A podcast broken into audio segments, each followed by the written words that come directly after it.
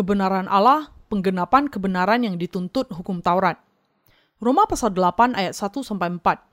Demikianlah sekarang tidak ada penghukuman bagi mereka yang ada di dalam Kristus Yesus. Roh yang memberi hidup telah memerdekakan kamu dalam Kristus dari hukum dosa dan hukum maut. Sebab apa yang tidak mungkin dilakukan hukum Taurat karena tak berdaya oleh daging telah dilakukan oleh Allah. Dengan jalan mengutus anaknya sendiri dalam daging, yang serupa dengan daging yang dikuasai dosa karena dosa, ia telah menjatuhkan hukuman atas dosa di dalam daging, supaya tuntutan hukum Taurat digenapi di dalam kita yang tidak hidup menurut daging, tetapi menurut roh. Roma pasal 8 ayat 1 sampai 4 menjelaskan mengenai iman yang dimiliki oleh orang-orang yang ada di dalam Kristus. Rahasia di dalam bagian ini adalah bahwa kita bisa memenuhi dengan iman kita kepada kebenaran Allah semua tuntutan hukum Taurat. Apa kemudian iman yang percaya kepada kebenaran Allah?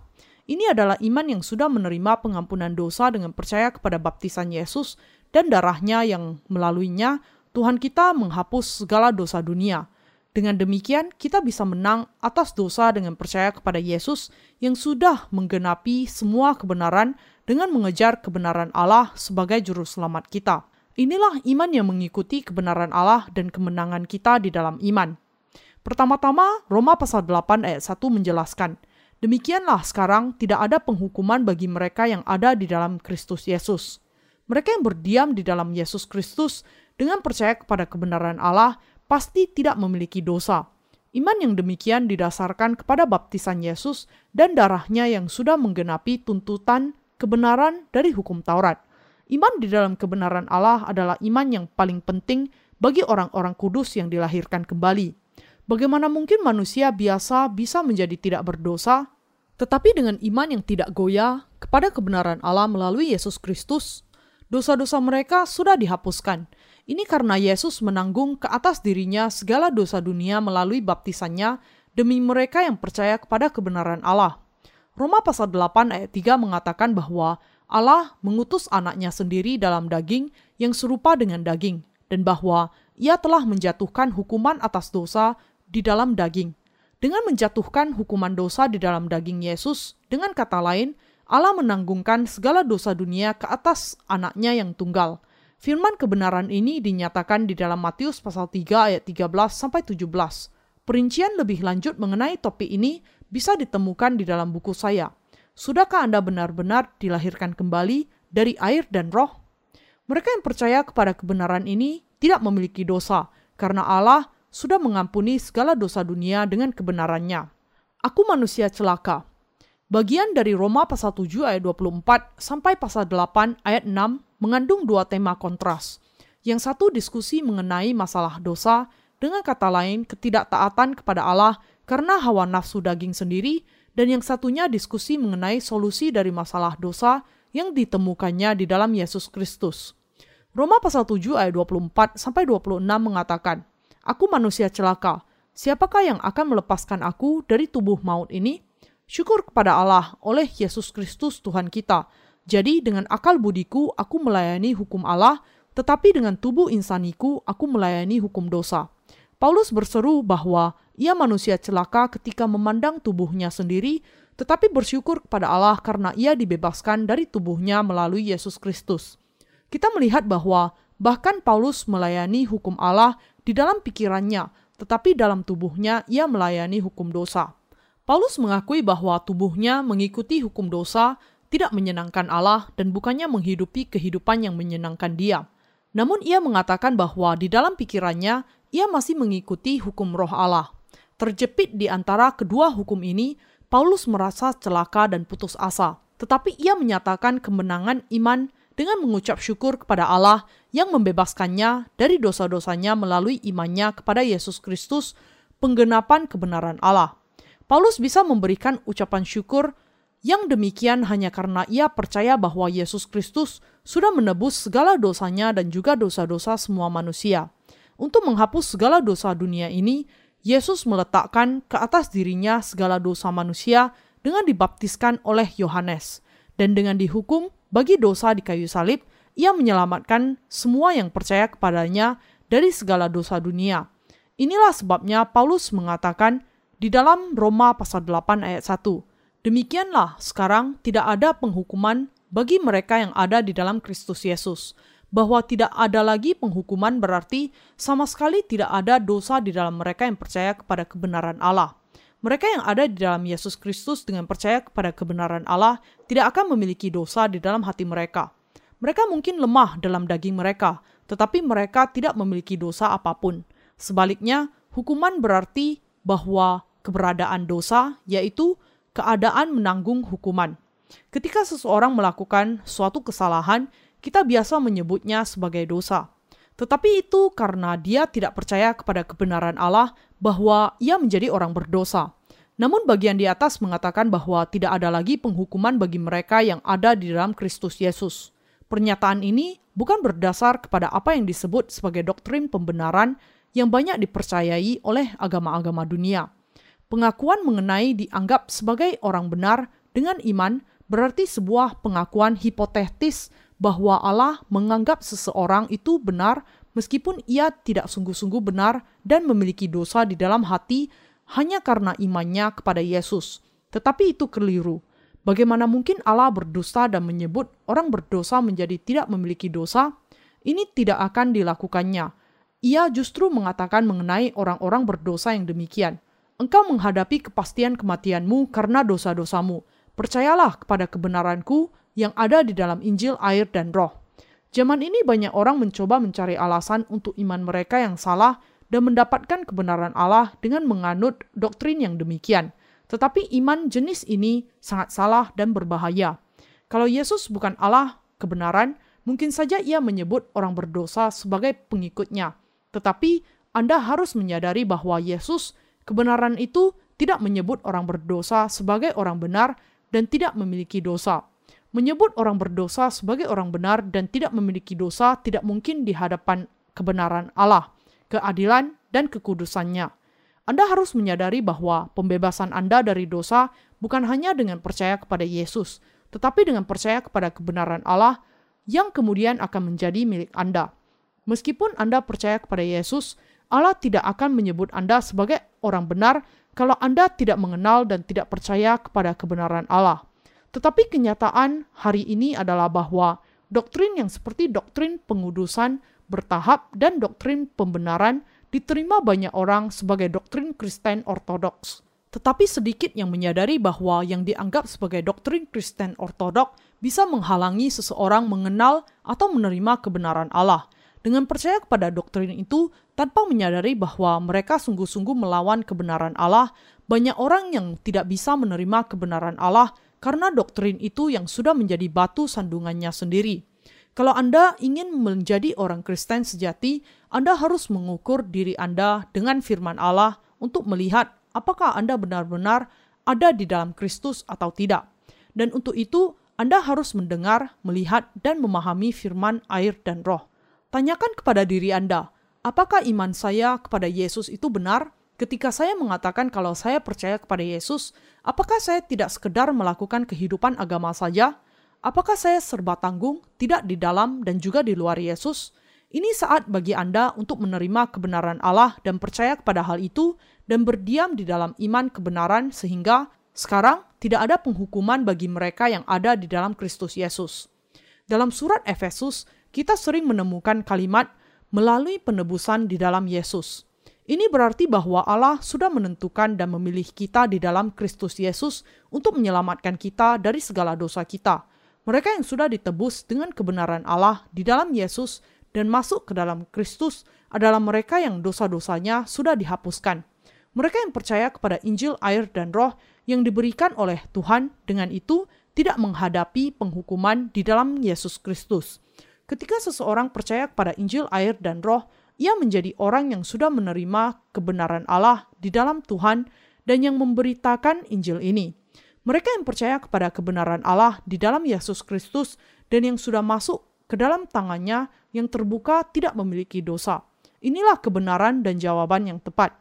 Karena baptisan dan darah Yesus di kayu salib sudah menjadikan segala dosa dihapuskan dari mereka yang ada di dalam Kristus dengan percaya kepada kebenaran Allah, tidak mungkin bagi mereka untuk memiliki dosa.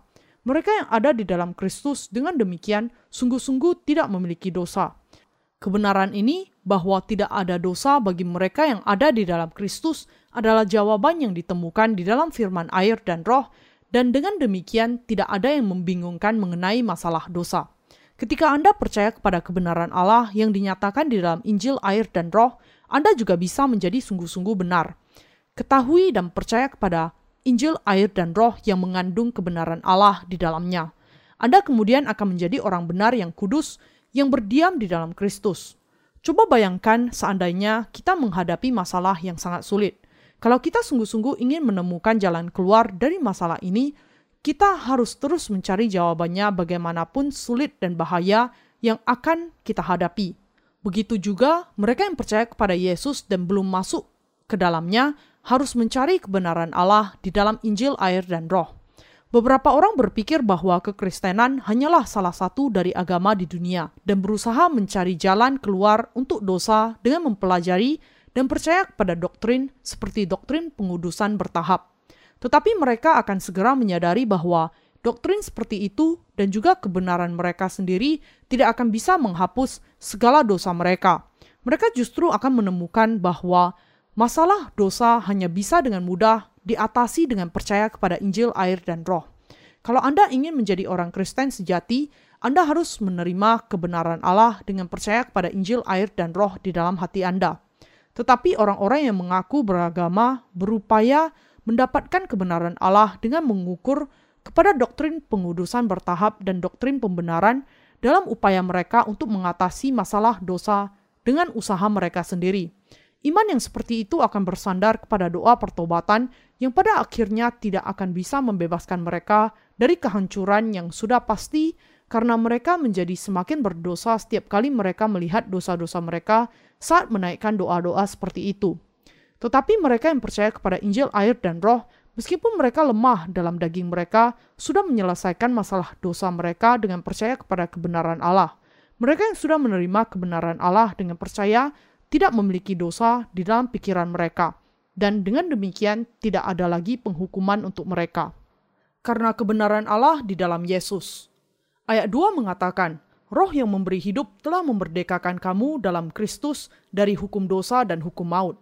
Allah sudah memberikan dua hukum kepada manusia, hukum roh kehidupan di dalam Yesus dan hukum dosa serta kematian. Seperti yang dikatakan Paulus, hukum roh kehidupan membebaskan kita dari hukum dosa dan kematian dari segala dosa kita. Anda harus menyadari dan mengerti kebenaran yang dibicarakan oleh Paulus untuk menerima hidup baru. Kebenaran ini diaplikasikan sama kepada semua manusia di dunia ini. Kita juga sudah dibebaskan dari hukum dosa dan kematian dengan percaya kepada hukum roh kehidupan. Kalau tidak, kita akan menerima kebinasaan yang pasti di bawah hukum dosa dan kematian. Tetapi dengan percaya di dalam hati kita kepada kebenaran Allah di dalam Yesus, yaitu baptisan dan darahnya di kayu salib, kita menerima kebenaran Allah ada di bawah hukum roh kehidupan dan menerima kehidupan kekal yang disiapkan untuk kita. Di mana Anda bisa kemudian menemukan Injil air dan roh yang bisa mengampuni segala dosa Anda, ini ada di dalam baptisan Yesus yang diterima dari Yohanes dan kayu salib di mana ia mencurahkan darahnya. Kebenaran Allah dengan kata lain ditemukan di dalam Injil, air, dan roh. Apa kemudian Injil kebenaran Allah yang membebaskan kita dari hukum dosa dan kematian? Hal itu adalah Injil bahwa Yesus sudah dilahirkan ke dunia ini, dibaptiskan oleh Yohanes di usia 30 tahun untuk menanggung segala dosa dunia ke atas dirinya, disalibkan di kayu salib, dan bangkit dari kematian, semua untuk membebaskan kita dari dosa-dosa kita. Inilah Injil yang terbuat dari kebenaran Allah. Allah mengerti bahwa manusia akan selalu melakukan dosa karena kelemahannya, sudah merancang untuk menyelamatkan semua orang berdosa dari dosa-dosa mereka dengan memberikan kepada mereka Injil keselamatan yang bisa membebaskan mereka dari hukum dosa dan kematian. Inilah tepatnya Injil pendamaian yang ditemukan di dalam baptisan Yesus oleh Yohanes dan darahnya di kayu salib. Dengan percaya kepada Injil ini, semua manusia bisa dibebaskan dari hukum kematian dari dosa-dosa mereka. Kebenaran Allah adalah hukum kehidupan yang sudah membebaskan manusia dari segala dosanya. Allah memberikan kepada manusia firman hukum Taurat dan menetapkan bahwa semua yang tidak bisa menaati hukum Tauratnya akan menjadi berdosa. Pada saat yang sama, Allah juga menetapkan sebuah hukum yang bisa membebaskan manusia dari dosa-dosa mereka. Hukum keselamatan ini adalah kebenaran yang tersembunyi di dalam kebenaran Allah. Hukum anugerah yang memberikan kehidupan kekal kepada semua yang percaya kepada hal itu. Hukum pendamaian yang ditetapkan Allah bagi manusia adalah iman kepada Injil, air, dan roh, yaitu baptisan dan darah Yesus di kayu salib. Dan iman inilah hukum kehidupan yang bisa mengenakan kepada mereka kebenaran Allah. Siapa kemudian yang bisa melawan hukum kehidupan? Semua yang percaya kepada Injil, air, dan Roh yang diberikan oleh Allah akan dibebaskan dari segala dosa dunia, dan dengan iman ini ia akan menerima kebenaran Allah. Bagaimana Allah memberikan kepada Anda hukum roh kehidupan dengan mengutus anaknya Yesus ke bumi ini, dilahirkan dari anak darah dengan menanggungkan segala dosa dunia kepadanya melalui baptisannya oleh Yohanes dengan mengatur agar dia mati di kayu salib bagi upah dosa itu dan dengan membangkitkannya dari kematian menghapuskan dengan demikian segala dosa dunia dan menjadikan Yesus sebagai juru selamat orang berdosa. Bagi mereka yang percaya kepada kebenaran ini, Allah memberikan pengampunan dosa dan hidup baru. Dan inilah hukum roh kehidupan yang diberikannya kepada kita. Apa kemudian hukum dosa dan kematian? Ini adalah perintah yang telah diberikan Allah kepada manusia. Hukum Taurat yang ditetapkan Allah mencatat perintahnya mengenai lakukan ini dan jangan lakukan ini. Dan setiap kegagalan menaati perintah ini akan menjadi dosa yang upahnya adalah maut yang harus dibayar dengan penghukuman di neraka. Jadi, semua orang ditempatkan di bawah hukum kematian. Tetapi Yesus Kristus sudah membebaskan kita dari hukum kematian dengan baptisan dan darahnya di kayu salib. Tidak ada seorang pun kecuali Yesus yang bisa menyelamatkan orang berdosa dari dosa-dosa mereka dan tidak ada jalan lain selain Injil, air, dan roh yang diberikannya yang bisa membebaskan kita dari segala dosa kita. Anda harus mengerti dan percaya bagaimana Yesus datang ke dunia ini untuk menyelamatkan Anda dan apakah kebenaran Allah itu. Namun di zaman ini ada banyak yang mengaku beriman kepada Yesus dan sangat mengerti secara mendalam mengenai hukum Taurat – yaitu hukum dosa dan kematian, tetapi sama sekali tidak tahu Injil, air, dan Roh yang sudah membebaskan mereka dari segala dosa mereka. Banyak yang masih melanjutkan percaya kepada Yesus dengan ketidaktahuan ini. Dari sini kita bisa melihat betapa lamanya Injil, air, dan Roh sudah tersembunyi. Injil air dan roh berbeda dengan Injil yang hanya berisi iman kepada kayu salib. Banyak orang hanya menekankan mengenai pentingnya darah Yesus di kayu salib. Tetapi kitab suci mengatakan bahwa Yesus mencurahkan darahnya di kayu salib karena ia menanggung segala dosa dunia ketika ia dibaptiskan oleh Yohanes, bukan ketika ia disalibkan. Anda harus menyadari bahwa perbedaan pengetahuan membuat semua perbedaan antara masuk surga atau neraka.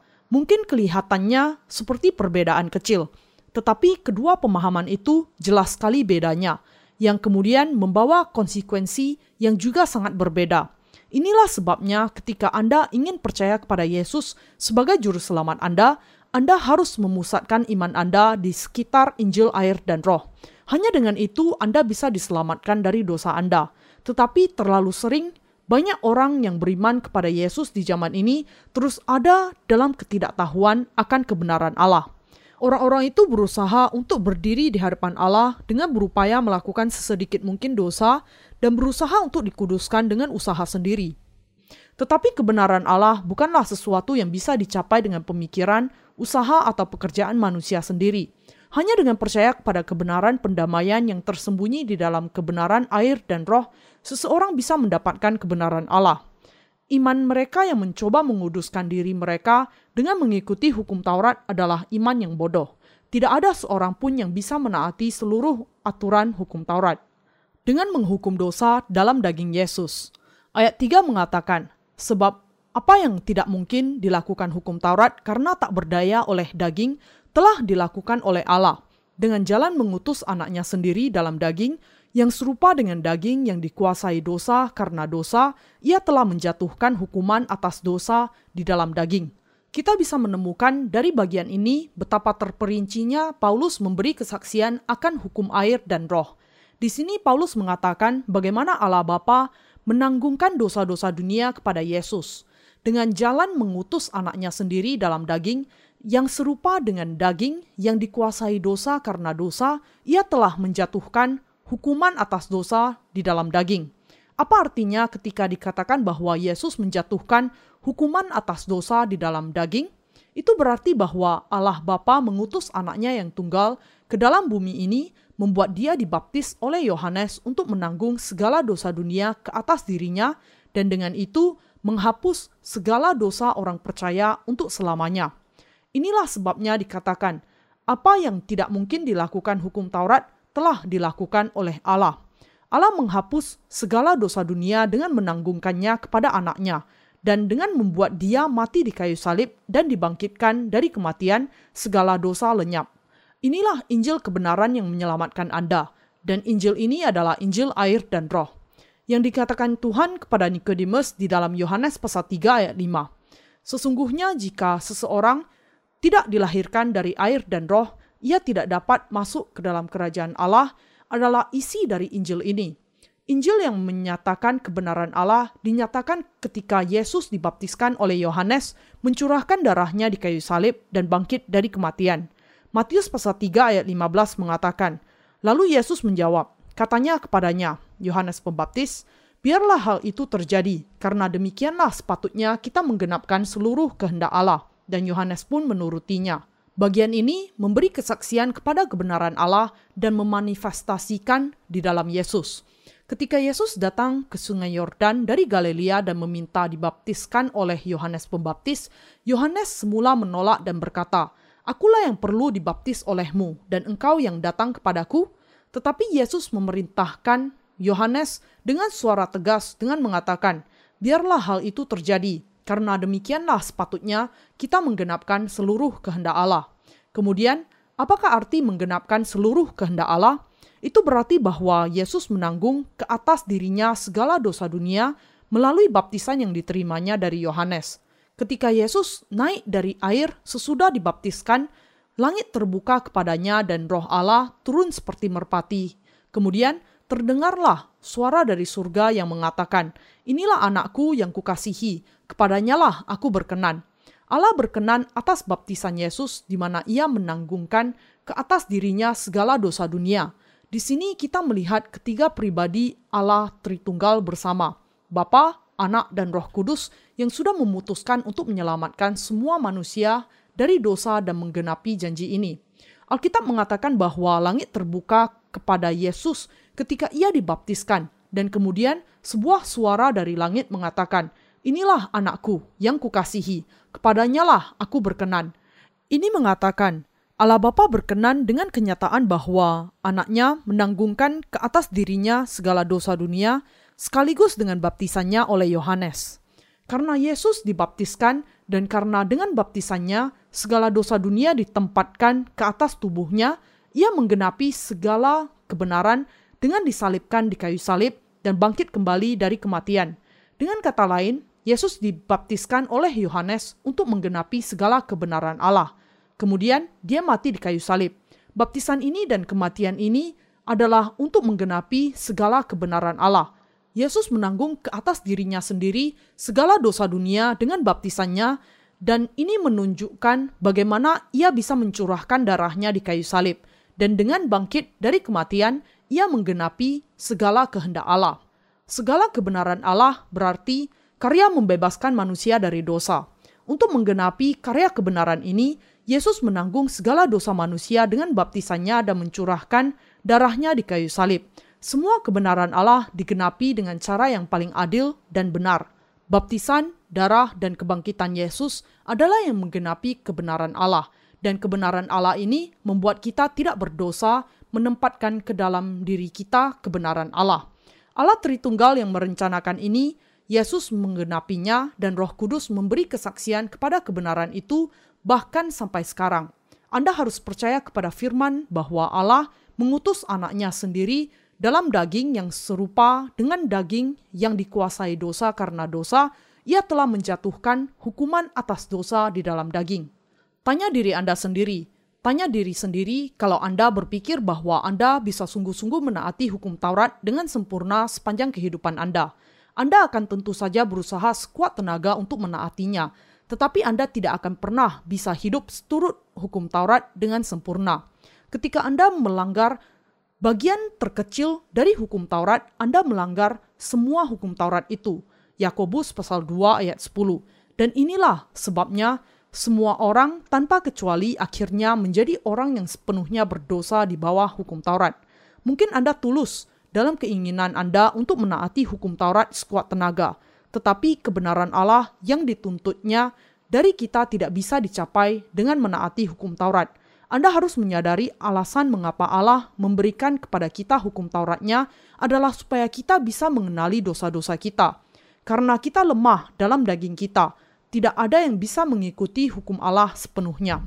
Inilah sebabnya Allah untuk membebaskan kita yang terjebak di dalam dosa kita mengutus anaknya ke bumi ini dan membuat dia dibaptiskan oleh Yohanes untuk menanggung segala dosa semua manusia.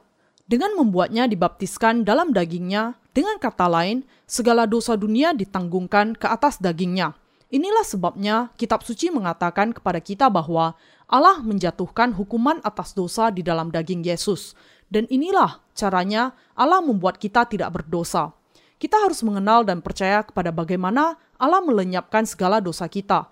Dengan membuat anaknya dibaptiskan oleh Yohanes, mewakili manusia, Allah menanggungkan segala dosa kita kepada Yesus. Ia kemudian membuat Yesus membawa segala dosa dunia itu ke atas kayu salib dan untuk membayar upah dosa menggantikan kita, mencurahkan darahnya dan mati baginya. Dan dengan kebangkitannya dari kematian, ia membuka jalan penebusan bagi semua orang yang percaya kepada hal itu. Allah dengan demikian sudah merencanakan dan melaksanakan keselamatan kita dari segala dosa kita. Demikianlah kita percaya di dalam hati kita bahwa baptisan dan darah Yesus di kayu salib berarti pengudusan kita. Mereka yang percaya kepada kebenaran Allah pastilah akan percaya kepada baptisan dan darah Yesus di kayu salib. Anda juga harus percaya demikian untuk menerima pengampunan segala dosa-dosa Anda dan untuk dibenarkan secara sempurna dan tidak berdosa. Anda harus dengan tepat mengerti bagaimana Allah membuat segala dosa Anda lenyap dan mengikuti kehendaknya dan percaya kepada hal itu di hadapan Allah dan bukannya percaya kepada usaha Anda sendiri.